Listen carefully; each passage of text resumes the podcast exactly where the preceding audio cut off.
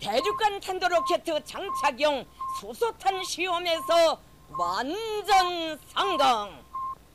Atomprogrammet på 440 Hz. Science is interesting, and if you don't agree, you can fuck off.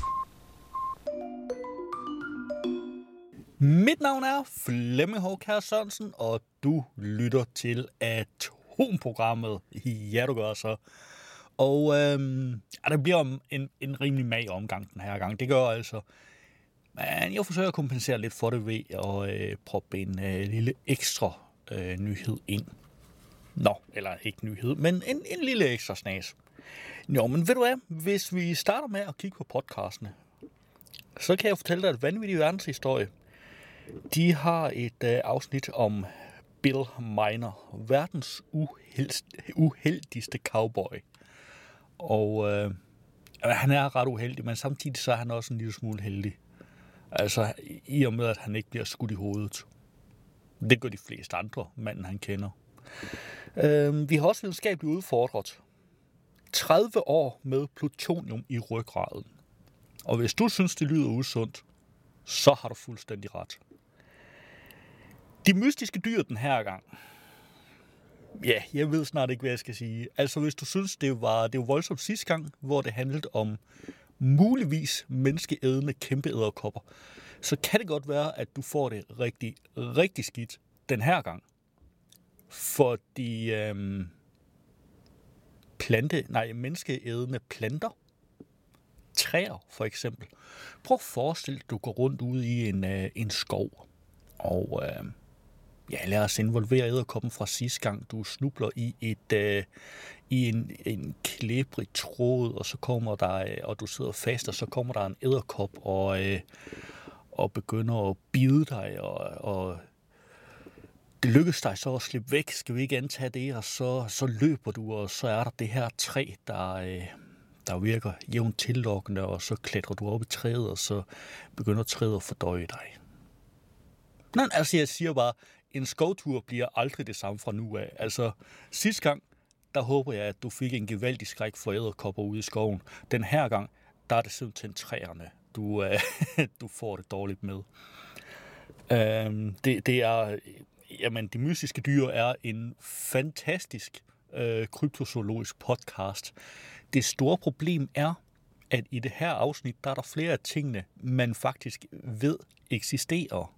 Der er også ting, man, øh, man ikke har dokumenteret eksistensen af, øhm, skal jeg lige skynde mig at sige. Men det her afsnit, der er der faktisk ting imellem, som man ved eksisterer. Der er også øh, mildere ting øh, blandt podcastene. Der er for eksempel Brainstorm, videnskab.dk's Brainstorm. Kan man overleve med en halv hjerne? Og hvor mange halvhjerner har vi ikke mødt igennem tiden? Ja, det er jo en del, så vi ved godt alle sammen, man kan sagtens overleve med en halvhjerne. Nogen kan i hvert fald. Og uh, Science Stories, den har jeg ikke selv haft uh, lejlighed til at høre endnu. Uh, men jeg glæder mig til den, fordi da jeg læste beskrivelsen af den, så noget af det allerførste, der stod, det var noget med heste på et løbebånd. Afsnittet, det hedder Hesteflimmer. Det handler vist nok men hæng mig ikke op på det, for jeg har som sagt ikke hørt det nu. Det handler vist nok om hjerteflimmer hos heste.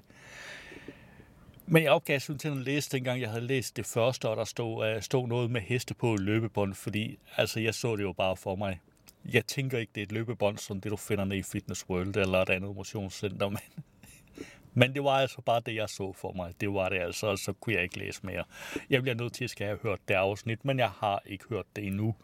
Så øh, ja, hvad kan jeg sige? men øh, jeg har også lidt nyheder med. Og når jeg siger lidt, så er keywordet lidt. Kejserpingvinen er ved at uddø. Ungerne drukner, før de lærer at svømme. Det er rigtig, det er rigtig skidt. Det er rigtig, rigtig, rigtig skidt faktisk. Der er også her, teenager er programmeret til at ignorere deres mor. Og finjusteret James Webb-teleskop stiller ultraskarp på nabogalakse. Og hold nu op nogle billeder, der er i den artikel. Jeg mener, altså jeg læser jo lige en lille bitte smule op fra artiklen, men du bliver bare nødt til at skal forbi show notes, fordi der er et billede taget med et gammelt teleskop og et billede taget med James Webb, og det er svært at se, at det er det samme. altså, der er en verden til forskel. Jeg mener, det er som computergrafik fra 1992 og computergrafik fra 2022. Altså, det er virkelig, der er... Øh, du kan slet ikke se, at det skal forestille det samme. Det er helt, helt vildt. Og så har vi den sidste nyhed. 91% af verdens største koralrev er afbleget. Ja.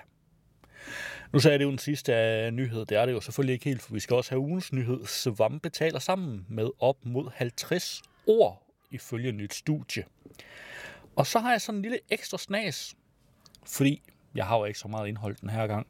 Så øh, på øh, videnskab.dk, øh, jeg mener endda, det var i, ja, det var i forskerzonen, der fandt jeg, hvor kommer pseudovidenskaben fra. Det er ret relevant, fordi jeg synes godt nok, der er meget pseudovidenskab rundt omkring. Så den tager vi lige som en lille ekstra snas. Og så slutter vi selvfølgelig det hele af med NASA's ugenlige nyhedsopdatering. This Week at NASA.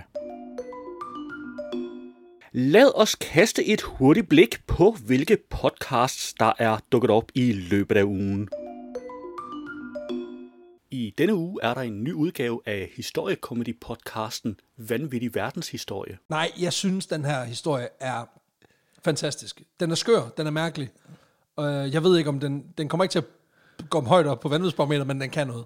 Okay. Fordi i dag, Peter, der får du chancen for at få lov til indgående at vise os din, din allerbedste Sidney Lee impressions. Oh, sådan. Det bliver en dag, som går over i historien. Fordi jeg vil fortælle dig historien om en vaskeægte legende. Altså egentlig historie. Og nu, nu siger jeg ikke for lidt, fordi det er manden, som af nogen er blevet anerkendt som ham, der har opfundet den ikoniske replik. Hands up. Hands up. Okay. Hvilket jo objektivt set er den sejeste replik i verdenshistorien. Seriøst? Ja. Det skal siges, at det er øh, øh, to kilder ud af cirka 50. Okay. Og der er også nogle kilder, som siger, der er mange, der påstår det her, det er bullshit. Men Okay. jeg vil sige, at vi kommer til at bevæge os i et konstant spektrum af en god røver og virkelighed. Okay. Fordi vi skal snakke om en god røver i dag, som faktisk også er en dårlig røver, men det er en anden snak. Uh, og vi kommer til det. Fordi i dag, der skal vi gå i fodsporene på en af Nordamerikas mest notoriske kriminelle typer. En vaskeægte slyngel. Vi skal snakke om togrøveren, charmetrollen, general vild type, Ezra Allen Miller, bedre kendt som The Gentleman Bandit. Det var et lille klip af Vanvittig Verdenshistorie. Du kan finde et link i show notes. I denne uge er der en ny udgave af Videnskabeligt Udfordret. Så øh, der er de her Geiger-tællere, som øh, knaser, hver gang der er noget radioaktivitet. Den laver også en lille, en lille kliklyd, hver gang der er en radioaktiv partikel, der fiser igennem den.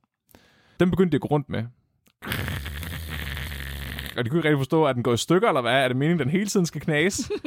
øh, så de, de, går, de begynder sådan, altså, du ved, de starter ind i laboratoriet, det, det er fint nok, den knaser, det skal den. Men så begynder de sådan, går sådan, du ud på fældesalaterne. så, så går vi kraftedeme bare udenfor. Nå, men hvis det sker på den måde, så, så forlader vi bare helt militærbasen og går ud i det civile område. De finder simpelthen ud af, at det her radioaktivitet, det har simpelthen spredt sig, ikke bare til hele faciliteten, de arbejder på, men også til de civile områder i nærheden af. Det var et lille klip af Videnskabeligt Udfordret. Du kan finde et link i show notes. I denne uge er der en ny udgave af Videnskab.dk's Brainstorm podcast. Altså som øh, neurokirurg og en, der opererer patienter i, i hjernen øh, og nervesystemet, så er det overraskende, hvor meget man kan undvære umiddelbart. Mine damer og herrer, her er endnu en kendskærning om hjernen. Du lytter til en videnskab.dk-podcast, støttet af Lundbækfonden. Velkommen til Brainstorm. I denne episode dykker vi ned i, hvor meget hjerne vi kan undvære. Og den forsker, hvis hjerne vi plukker, er Jens Christian Hedemann Sørensen. Og mit navn er Jarl Barstum Kok. Og jeg hedder Asbjørn Mølgaard Sørensen. Velkommen, Velkommen til, til Brainstorm. Brainstorm. Det var en lille bid af Brainstorm. Du kan naturligvis finde et link til podcasten i show notes. I denne uge er der også en ny udgave af Science Stories podcasten. Sommeren 2019. I et stort hvidt undersøgelseslokale står Columbus. Han er kastanjebrun, har lange sorte lokker, og han bruster. Columbus, der er pensioneret travhest, har netop overstået et hårdt træningspas på et specialbygget løbebånd på Universitetshospitalet for Store Husdyr i Tostrup. Han og nogle af hans artsfælder er en del af et stort internationalt forskningsprojekt, der skal gøre forskere klogere på hjerteflimmer. Det var en lille bid af Science Stories, og du kan naturligvis finde et link i show notes.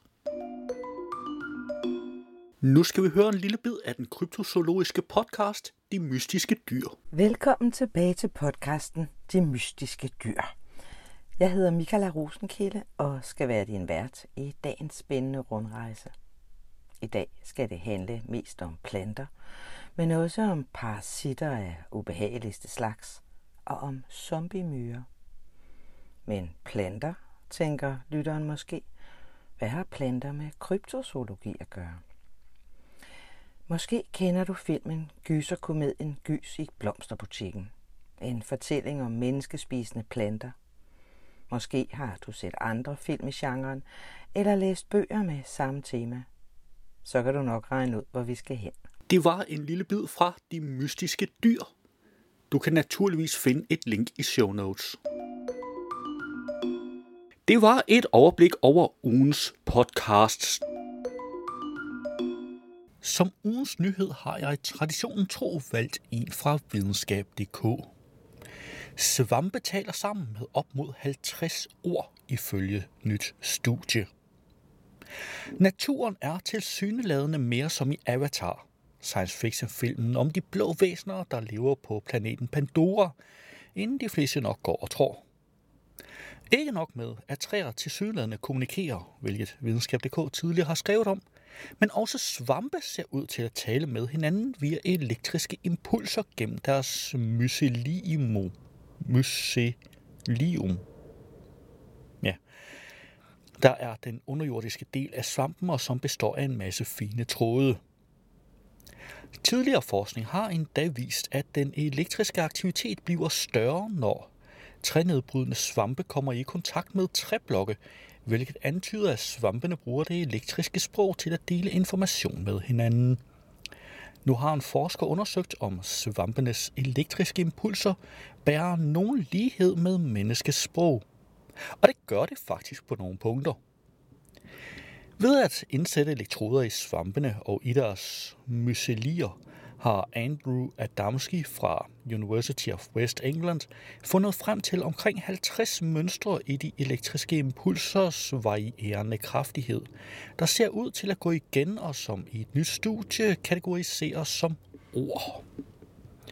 Hvad svampene bruger deres ord til, og om de agerer på den information, de deler, kommer studiet ikke ind på – men en mulighed kunne være, at svampene som hylende ulve signalerer deres tilstedeværelse til hinanden, foreslår forskeren bag studiet Andrew Adamski i et interview med The Guardian. Men der er selvfølgelig også den mulighed, at svampene ikke siger noget overhovedet, tilføjer han. Blandt andet derfor mener Jakob Heinemann Clausen, der er svampeforsker og lektor på Center for Makroøkologi, Evolution og Klima på Københavns Universitet, at vi formentlig stadig er langt fra at kunne slå svamsk op på Google Translate på lige fod med portugisisk eller færøsk. Han er desuden skeptisk over for sammenligningen mellem svampenes elektriske aktivitet og menneskets sprog. Det er jo virkelig underholdende læsning, men ideen om at sammenligne elektriske impulser hos svampe til menneskesprog virker for mig virkelig bizart og måske lidt uden for min forskningsmæssige komfortzone, fortæller han grinende til videnskab.dk. Man skal selvfølgelig prøve at have et åbent sind, men det virker mest af alt som en fantasifuld måde at formidle forskning på, og måske en lige lovlig selektiv udvælgelse af virkeligheden. En sammenligning med sprog hos andre organismer, som for eksempel planter eller dyr, uden en veludviklet hjerne, ville være noget mere relevant. Studiet er symptomatisk for en bevægelse inden for videnskaben, hvor man prøver at se verden ud fra andre synspunkter end menneskets, fortæller Frans Gregersen, der er professor emeritus i dansk sprog. Mennesket har i lang tid været i centrum for videnskaben, men nu, og særligt inden for de seneste 10 år, har der været et paradigmeskifte, hvor mennesket er blevet detroniseret, altså afsat fra tronen, siger han til videnskab.dk. I forlængelse af det er man også begyndt at kigge på sprog som noget, der ikke kun tilhører mennesket, men også kan foregå eksempelvis mellem dyr og andre dyr, mellem en plante til en anden eller mellem dyr og planter på tværs af arter, fortæller han.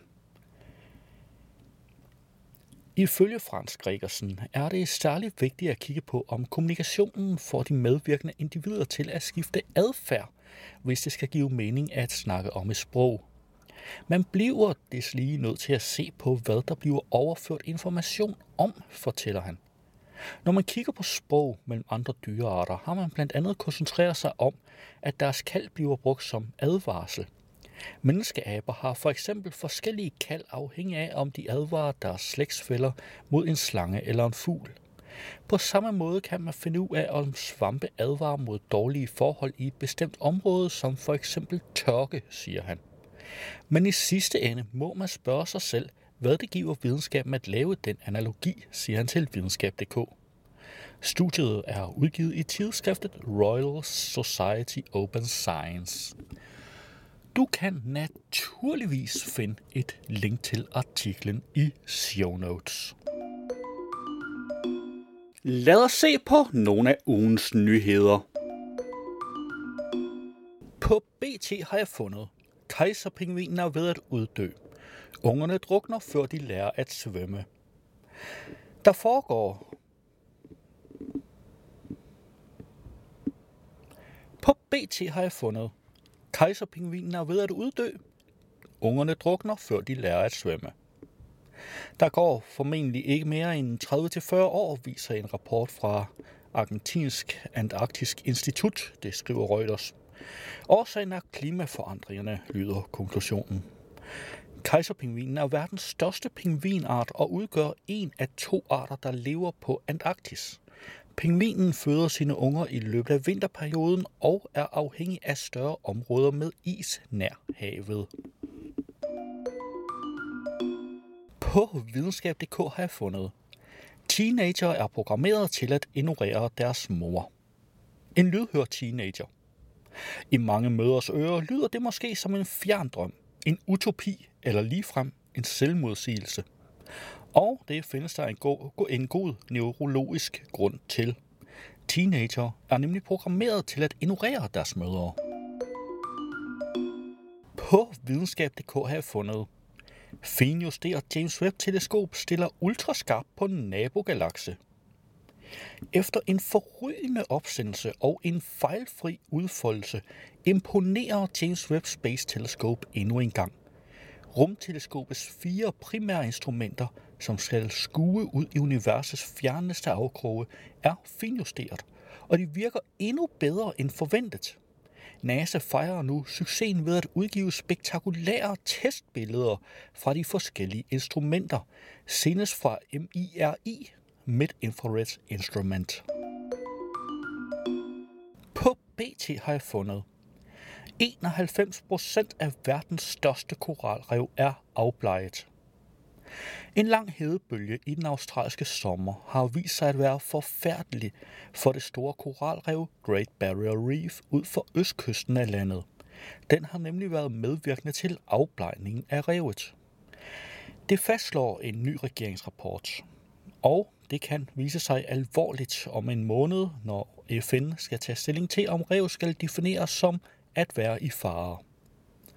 Rapporten afslører nye detaljer om den skade, der blev skabt ved den fjerde masseafblejning, som verdens største koralrev har oplevet siden 2016. Det var ugens nyheder, og du kan naturligvis finde links til samtlige artikler i show notes.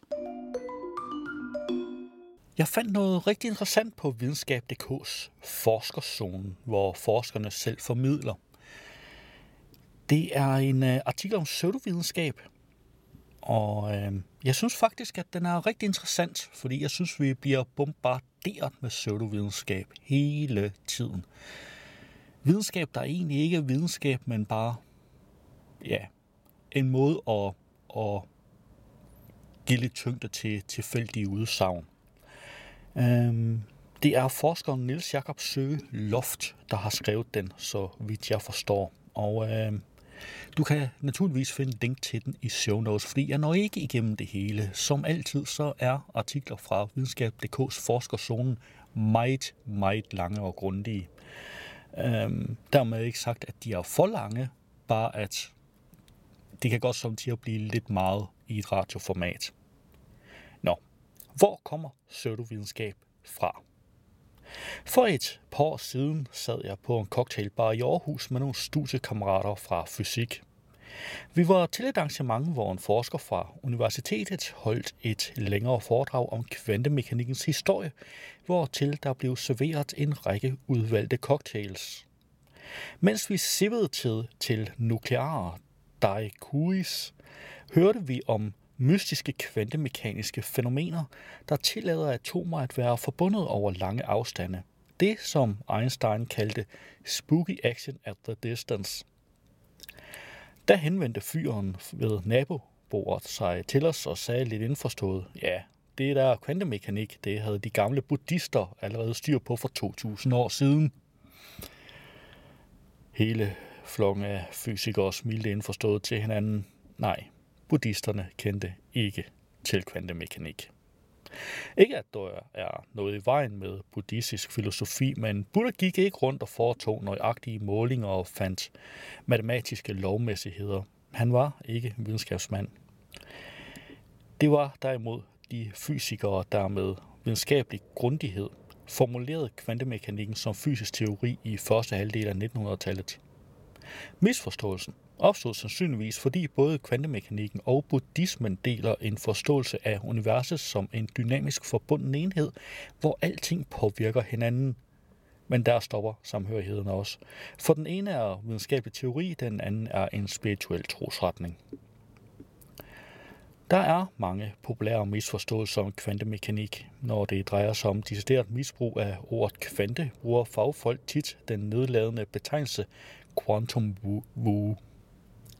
At koble kvantemekanik med buddhisme er et godt eksempel på quantum woo. Fysikeren David J. Griffiths, der er kendt for sine lærebøger om blandt andet kvantefysik, pegede i et interview på to søndebukke. 1.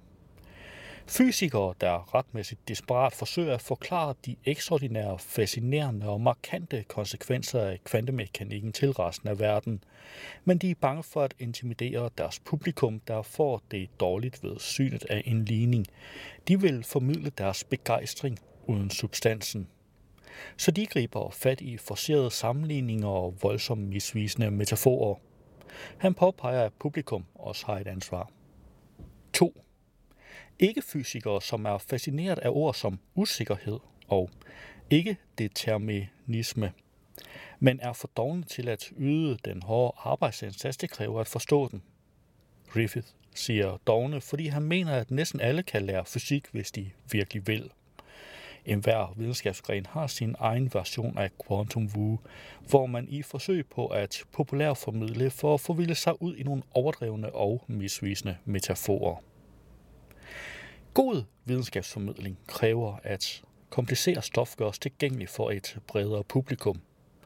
I fysik betyder det som regel, at man må undlade matematikken og formlerne, og derved åbner man kun døren på klem til fysikkens arbejdsværelse. Til mine egne foredrag har jeg tit haft et par slides fyldt med formler. Folk reagerer typisk som om det var en vild rutsjebane. Først bliver de overrasket, det føles måske lidt utrygt eller ligefrem intimiderende, men det var også en ret fed oplevelse. De har fået et smugkig i den del af arbejdsværelset, som de normalt ikke får lov til at se. Jeg synes, det er en vigtig oplevelse for publikum, for det giver dem en forståelse for, hvad der ligger en helt videnskabelig verden uden for den forskningsformidling, de er vant til. Det er netop den videnskabelige verden af matematiske formler og veldefinerede fagudtryk, der adskiller videnskab fra pseudovidenskab. Pseudovidenskab er noget, der lyder som videnskab uden at være det. Flere af renaissancens store videnskabsmænd som Tycho Brahe eller Isaac Newton beskæftigede sig både med videnskab som astronomi og fysik, samt pseudovidenskab som astrologi og alkemi. Selvom videnskabens giganter selv lagde horoskoper for Europas konger for at finde stjernetegnenes påvirkning på deres skæbne, er det klart for de fleste i dag, at astrologi ikke er videnskab. Dengang var forskellen ikke så tydelig. Selv i dag kan det være svært at skelne rigtig videnskab fra noget, der blot lyder som videnskab. Vi har sikkert alle prøvet at se en film, hvor en ekspert kommer med en lang teknisk foredrag, der skal få seerne til at sluge plottet. Inderst inde ved vi godt, at manuskriptforfatterne bare har fundet på nogle replikker, der lyder rigtigt, men ikke giver nogen mening i virkeligheden. Men med mindre vi selv er tekniske eksperter på området, kan vi ikke umiddelbart gennemskue, hvor filmen knækker. Pseudovidenskab fungerer på samme måde. Ved at låne tekniske ord og videnskabelig jargon, kan det fremstå troværdigt i de uindvides ører. Og artiklen er længere end det her. Så jeg tænker, smut lige ind forbi og læs den. Det er rigtig interessant læsning. Jeg vil tro, jeg er lige godt halvvejs igennem her, så det er ikke sådan, at det tager en time at læse den. Men uh, smut ind forbi og læs det sidste. Der er et link i show notes.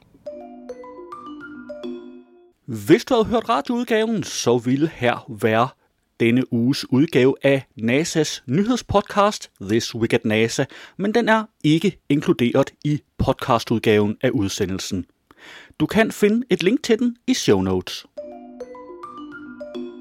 Det var atomprogrammet for denne gang. Du skal have tak, fordi du lyttede med, og vi lyttes ved næste gang. Atomprogrammet er hjemhørende på 440 Hz. Du kan finde mere på 440 Hz.net.